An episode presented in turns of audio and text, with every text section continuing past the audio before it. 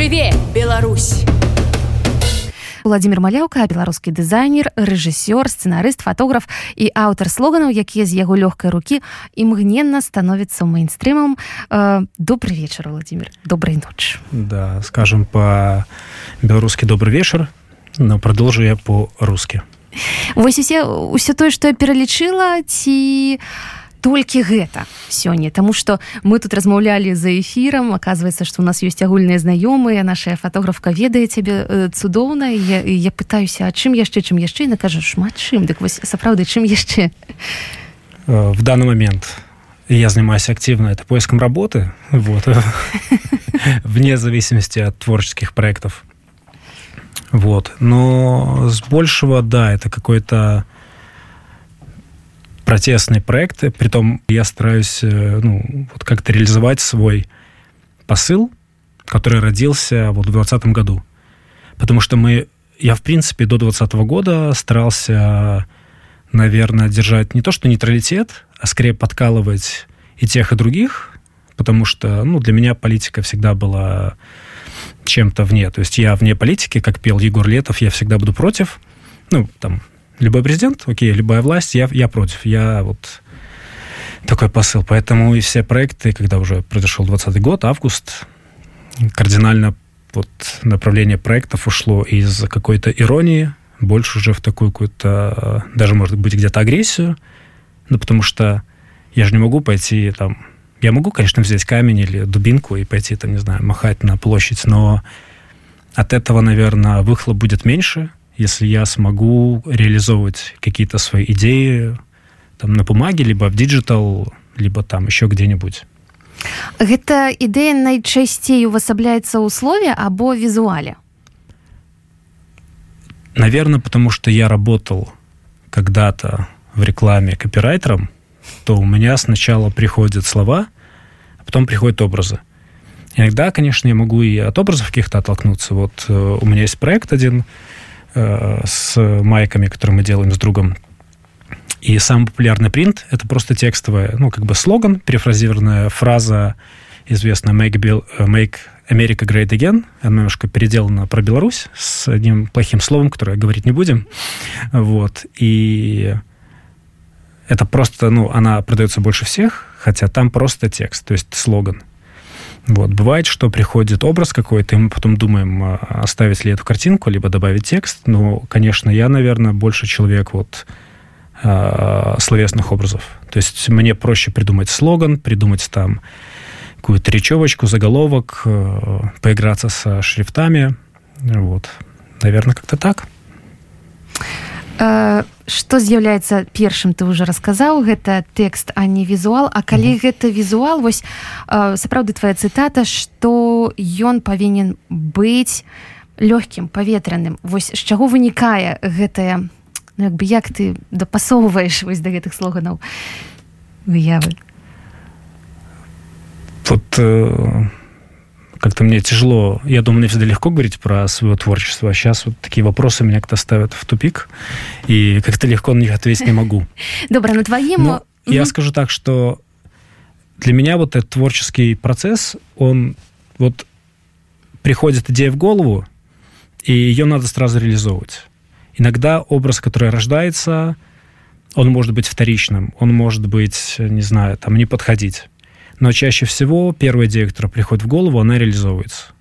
Потому что мне часто кто-то там из знакомых или близких людей может там критиковать, предлагать какие-то говорить идеи, типа, что, слушай, а вот попробуй сделать вот так, потому что нам, вот, мне там кажется не так. Я прислушиваюсь, но все равно делаю по-своему, потому что ну, вот, как-то мне кажется, что вот так будет лучше все. И я вот могу послушать, но вот в творчество особо не пускаю на тваёй старонцы дзе можна пазнаёміцца з тваімі працамі сабраныя самыя ўдалыя кейсы ці не мог бы ты распавесці пра некаторыя з іх начну с последнего самый наверное ну не могу сказать лучший но в нем наверное самая такая актуальная идея это проект который я назвал лого for Ukraine это я смиксовал логотипы известных брендов с названиями украинских городов мне показалось, что это классная идея, если бы это было вообще реализовано этими брендами, да, что тот же Nike, он э, на месяц или там на день становится Киевом, да, или Adidas становится Одессой. Притом я подбирал такие немножко созвучные фразы по размеру, чтобы они смотрелись хорошо, потому что вот Nike и Киев, они очень круто смотрятся. Mm-hmm. Ну и вот по именно в этом логотипе. Adidas Одесса созвучны. Вот. И этот проект, он очень классно разлетелся. Ну, опять же, кто-то скажет, э, хайп на фоне войны, но такое время, да, то есть э, мы что не делаем, это, ну, что бы мы ни делали про войну, оно может восприниматься либо положительно, либо нейтрально, ой, либо негативно, потому что кто-то скажет хайп, кто-то скажет круто. Вот, и этот э, проект очень хорошо разошелся, было много интервью, каких-то репостов. Вот. Второй проект, наверное, лично который мне нравится, это логотип Белавия, когда был случай, когда посадили самолет Ryanair, и вот произошло все в Минск-1, и какие-то были заявления от Белавия там. Ну, в принципе, Белавия как госкомпания, которая... Не то, что гос, да, мы понимаем, что эта компания там принадлежит кому надо. И они про это молчали, ничего не говорили. Я подумал, классно было бы их обыграть, потому что их самолет кружился там в такой прикольной штучкой я решил, ну, надо их подколоть. Я тоже, я, как и многие, садил на сайте Flight Radar, как это в, реаль, в реал-тайме, как mm-hmm. самолет накручивает вот эти вот кусочки. И я смотрю и понимаю, что если сейчас не сделаю скриншот, то я, я не сделаю этого. Я делаю скриншот, захожу в Photoshop, э, вырезаю эти все логотипы и делаю такой пост, что у Белави новый корпоративный стиль. Я помню, даже Варламов, э, русский блогер, зарепостил это, ну, то есть это был первый такой масс, очень первый массовый охват для этой идеи. Тоже мы потом это переносили на майки, кто-то заказывал, кто-то покупал. Ну, хороший проект. Я, я подкалывал Белавию дважды, мне каждый раз нравится. Они сами преподносят мне какие-то э, эти инфоповоды, потому что последняя их акция была набить татуировку и, по-моему, получить бесплатные там полеты. Mm-hmm. Я посмотрел эскизы, и понял, что это все не то. Они не тематические. И я нарисовал свои тематические эскизы, которые, мне кажется, подошли бы им лучше. Вот. Там были пару, конечно, грубых фраз, но в целом, опять же, людям понравилось, потому что они понимают, вот я недавно кому-то писал, кто, ну, очень грубо, да, кто жил в Беларуси, в цирке не смеется. Вот реально, оно так и есть, потому что тот абсурд, который мы видим, слышим и живем, даже здесь, то, что я не в Беларуси, но все равно я как бы часть Беларуси, потому что я читаю новости, слежу. И вот тот градус абсурда, но ему нужно давать какую-то форму, чтобы он выходил. Потому что просто упустить не получится. Надо его как-то этот абсурд вот выражать. Что тычыцца крэпкага слоўца не заўсёды просто атрымліваецца без яго абысціся конечно но вот есть да мы знаем одно слово такое на букву С заканчивается, вот, ну, описывает вообще все происходящее, вот, э, вообще вот, ну, не к сожалению, но вот именно русский мат, да, он прекрасно, а, вот, и можно только этими словами вот э, сложить предложение, да, и всем будет понятно, ну, носителям языка будет понятно, что ты имеешь в виду. Они считают эмоцию, они поймут твое настроение. То есть только там сложив пять смятных слов я не знаю, это либо достижение русского языка, либо его упадок. Это уже тема для другого выпуска, наверное, но да. Весь наш абсурд в стране и в мире можно описать одним словом, да. Вяртаючыся ізноў да тэмы самых удалых кейсаў на старонцы там ёсць яшчэ акрамя таго і відэакліпы і рэкламныя ролики які ты здымаў. Усё тое што ты рабіў наколькі важна было табе супасці вось нейкімі поглядамі за, калі это была замова? Ці былі некія выпадкі калі ты адмаўляўся штосьці рабіць таму что я расскажу сейчас очень большой свой fail связанный с этим я работал в одном рекламном агентстве, и пришел клиент, который хотел снять рекламный ролик. А я тогда уже... У меня был опыт вторым режиссером на съемочной площадке. И мне очень захотелось заработать денег, ну, потому что денег в рекламе платили мало, а мне хотелось больше. И тут мне говорят, можно снять рекламный ролик.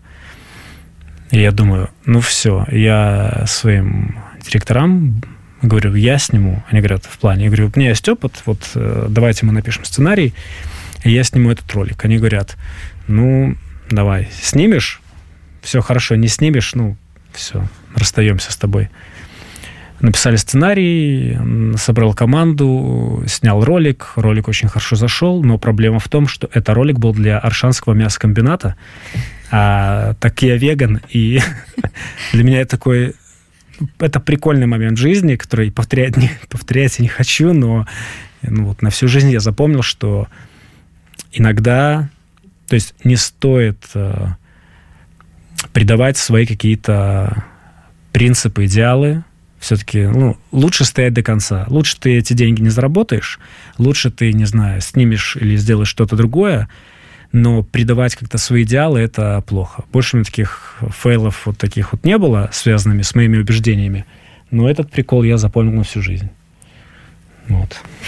Ты сказаў што зараз знаходзішся ў пошуку працы А як выглядае польскі рынок вось той сферы у якой ты той сферы якой ты займаешься Ну, вообще я э, занимаюсь именно, если говорить про заработок денег, mm-hmm. на фрилансе занимаюсь разработкой дополненной реальности. Это вот, э, если очень просто говорить, всякие маски в Инстаграме, фильтры в ТикТоке, вот эти штучки. И в Польше есть одна из самых крупных компаний, которая этим занимается. Вот, я даже как-то два раза был на сходке разработчиков в Польше здесь. Но могу сказать, что требования очень высокие. То есть я туда как разработчик не прохожу. Вот, поэтому надо стараться.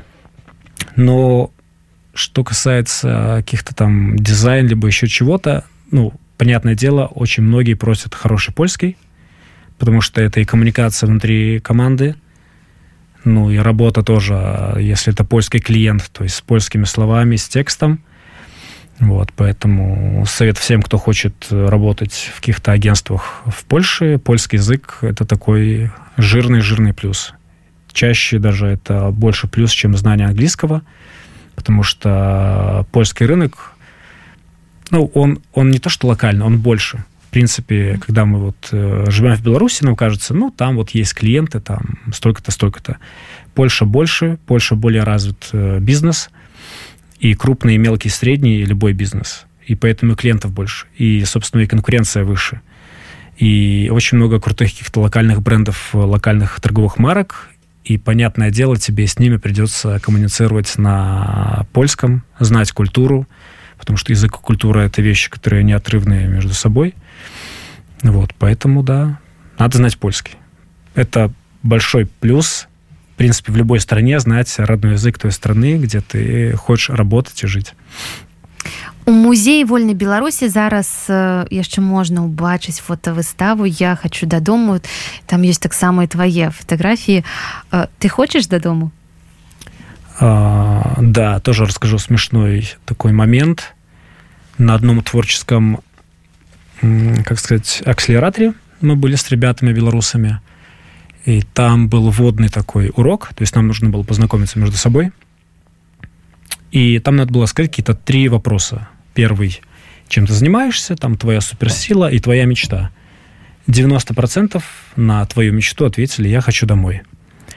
Я думаю, что это ну, желание многих белорусов вернуться домой, потому что не имеется в виду, что сейчас бы я поехал в Беларусь да, то есть многие даже и выставку, название выставки поменя, понимали неправильно. Это не значит, что я хочу домой в режим к Лукашенко, да, увы. Мои там друзья, знакомые, родственники – это, э, наверное, заложники этого режима, и стать одним из э, заложников, либо там поехать в тюрьму я не хочу, да, поэтому это такие, скажем, очень романтичные мысли о возврате домой, но я буду реалистом, понимаю, что это, ну, не скоро будет.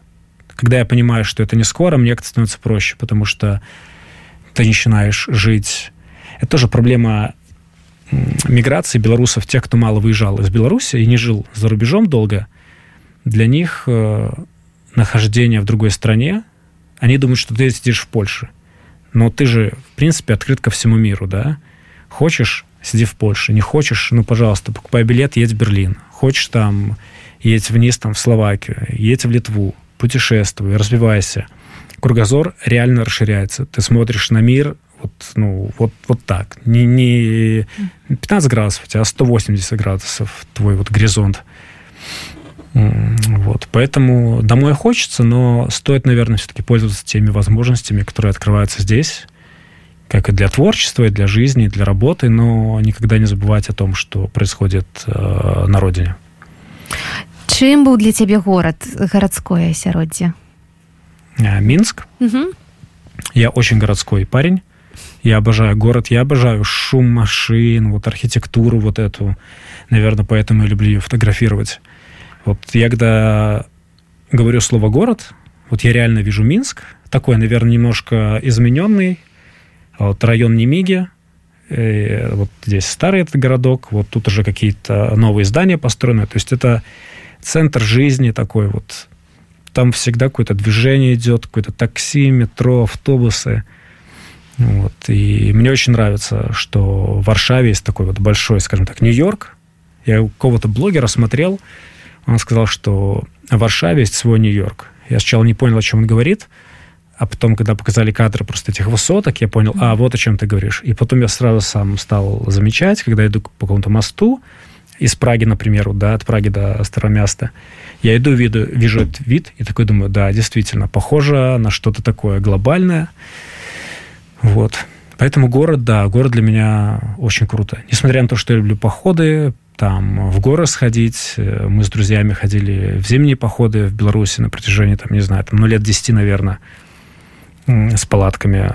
Но город я очень люблю. Вот. Ну, конечно, дзе можа яшчэ жыць дызайнер як не варшаўскай празе ну я не знаю я не в праге живу поэтому может какой-то другой э, и живет в праге но мне кажется вообще э, профессия дизайнера, креативщика, она такая очень стереотипная. Я помню, сам был заложником таких стереотипов, когда пришел в рекламу. А, мне всегда казалось, что дизайнеры ну, в рекламе такие, э, образно говоря, художники. Но казалось, все нет, очень приземленно. Это просто человек, который умеет хорошо работать э, в графических редакторах, который понимает, как подготовить макет в печать. Он понимает, что вот этот красный, он будет хорошо смотреться, это красный, плохо, он знает отступы, он знает там то-то, и не обязательно он может тебе рассказать э, какую-нибудь интересную художественную там историю. Он не обязательно интересуется живописью. Вот. Поэтому, да, не все дизайнеры, скажем так, вот творческие люди. В принципе, как вот дизайнер такая же профессия, как там столер, да, то есть креатива, именно придумывания, да, конечно, есть. Но большая часть дизайнера — это типа такая рутинная вещь. Тебе нужно либо двигать кубики, квадратики, треугольнички, соединять, чтобы это что было, либо пилить какой-то образ. Вот, потому что есть большое отличие художника от дизайнера. Художник рисует для себя, дизайнер э, создает что-то для кого-то. И там полет фантазии всегда ограничен. Пра мастацтва і мастакоў там напэўна найперш пошук гармоніі не столькі прыгажосці А вось як ты гэтую гармонію адчуваеш? Ну калі дызайн гэта толькі рамяство но ўсё роўна вось гэты баланс гармоніі тое што не конечно баланс должен быть и скажем так мне очень нравятся те дизайнеры которые допустим вот он дизайнер в работе но он остается дизайнером и в жизни. То есть он может прийти создать какой-то свой проект не знаю там Э, поговорить о чем-то высоком. Да, то есть такие люди мне скорее больше нравятся. Не то, что нравится, это тяжело сказать, что какие-то люди мне больше нравятся, звучит как-то не очень. Вот, но хочется, мне просто нравится образ творческого человека, немножко такого, а, с, который немножко витает в облаках. Поэтому, конечно, баланс важен, но все-таки художник это художник, дизайнер это дизайнер я бы себя относил больше к художникам, потому что дизайнер, он больше работает на кого-то, а я большинство работ создаю, ну, я создаю для себя, да, для себя и для своей аудитории. Вот, при том, что я не знаю, кто моя аудитория, но я вижу, что то, что я делаю, людям нравится. Ну, почему бы и нет. Что за апошні час падалося табе прыгожым что ты бачыў прыгожага ой ну сложный вопрос Я вот в последнее время пытаюсь придумать какие-то новые принты, какие-то темы для маек, да, для одежды. И мне очень нравится, как сейчас многие дизайнеры пытаются обыгрывать тему войны.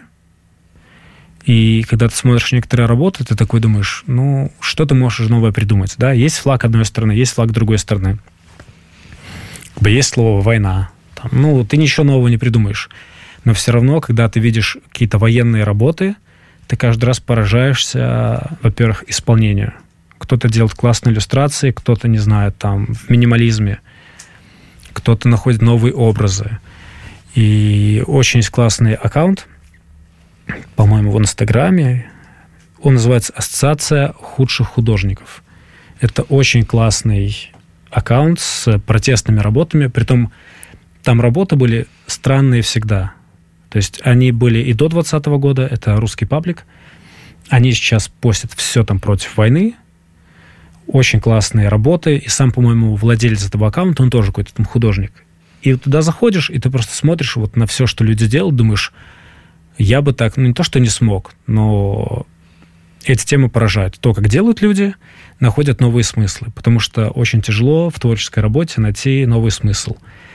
Можно нарисовать что-то классное, а потом тебя спросят, а какой тут смысл, да? Вот что ты хотел этим выразить? И ты такой, а, ну, там, не знаю. Вот, поэтому для меня, наверное, вообще творчество — это на первом месте стоит, конечно же, смысл, то есть содержание. Форма, она вторична. Потому что я под, помню, ходил на вот эти вот выставки в Минске давно, как они были, типа там «Осенний салон». Ну, я не знаю, может, это уже был не «Осенний салон». Я не помню, как они назывались. Ну, тоже во Дворце искусств, где там шубы продают и мед продают, да. Ну, дворец искусств. Ну, да. кажется, что это им треба как там утриматься. Да все мы знаем, конечно. Ну, это, это о многом говорит, в принципе, о том, что происходит в стране, да, если во Дворце искусств продают шубы и мед. Вот. Но я помню, ходил по выставке, и там было вот 10 картин, пейзажи какие-то, вот природа, лодочка. И ты думаешь, вот неужели этим людям еще хочется рисовать лодочку и природу?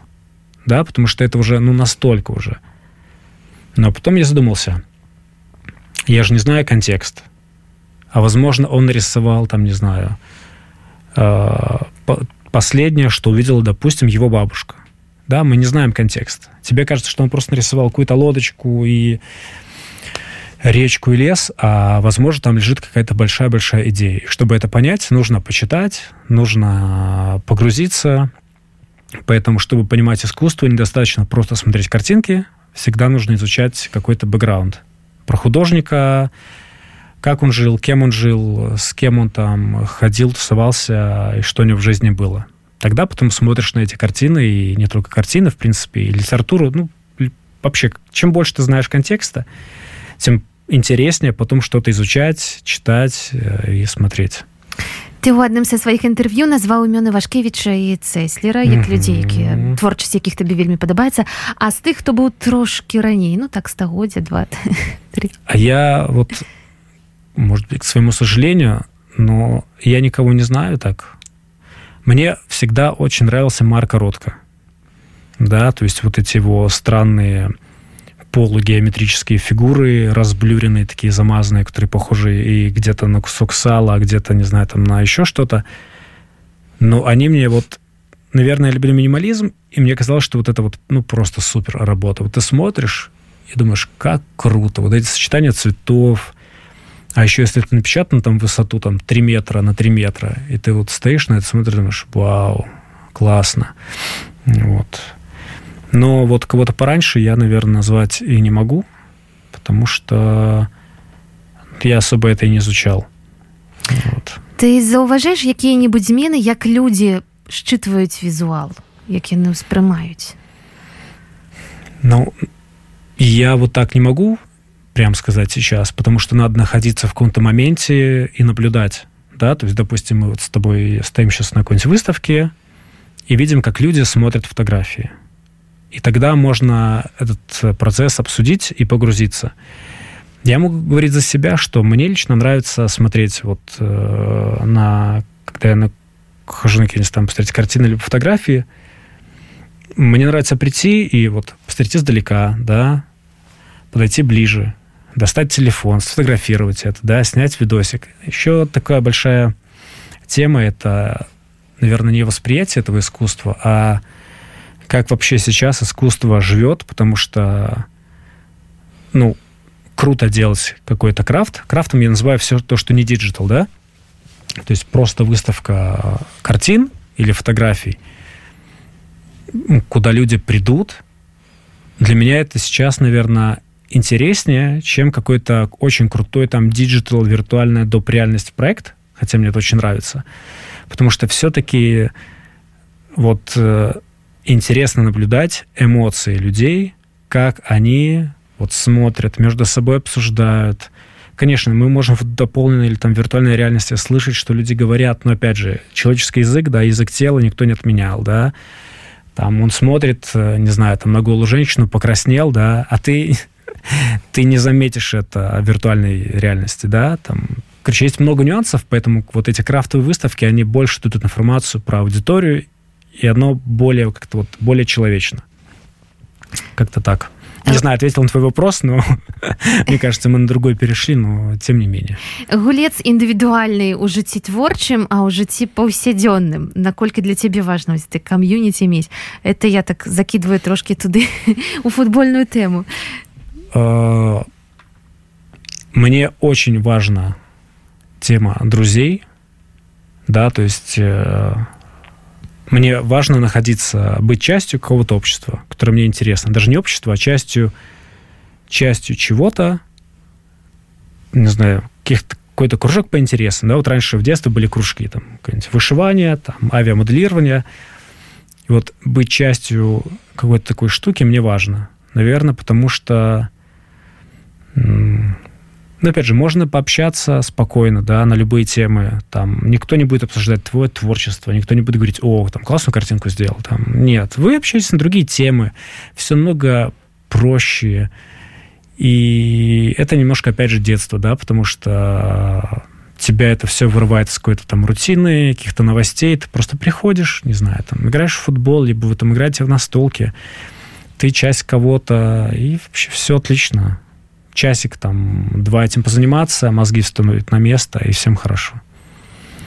з усяго пачутага вынікае на мне так падалося что ад двадцатого года знаходзішся по-ранейшаму вось у этой беларускай рэчаіснасці да беларускай суполцы я как бы могу сказать что я из тех кто против того чтобы канал какой-нибудь там губопа блокировали только потому что в Беларуси нет уже волонтеров, например, которые могут отслеживать информацию по задержанным.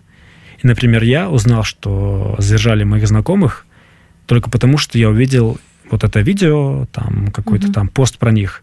Если бы я его не увидел, мне бы никто не сказал, я бы вообще эту информацию не знал.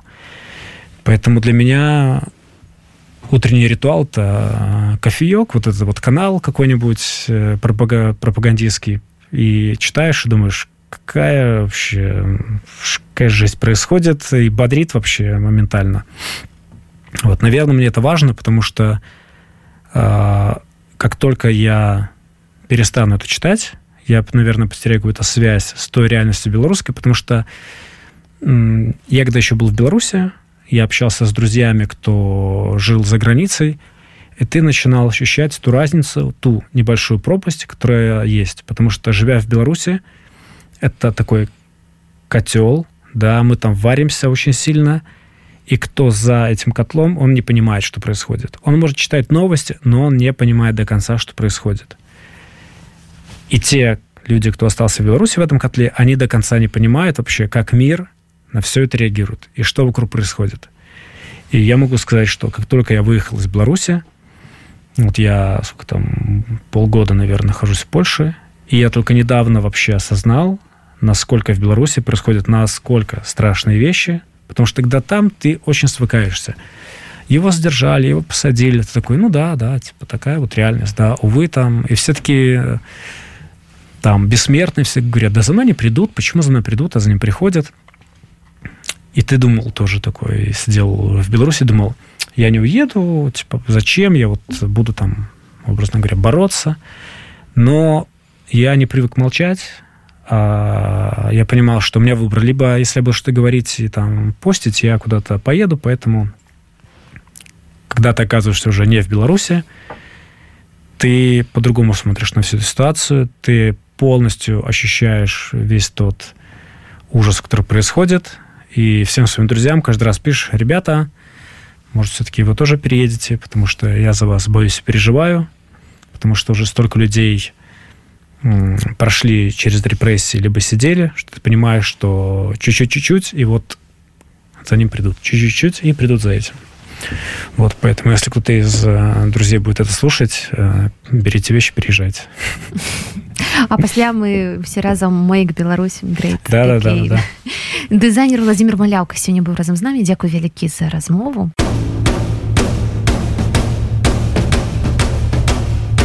Жыве, Беларусь!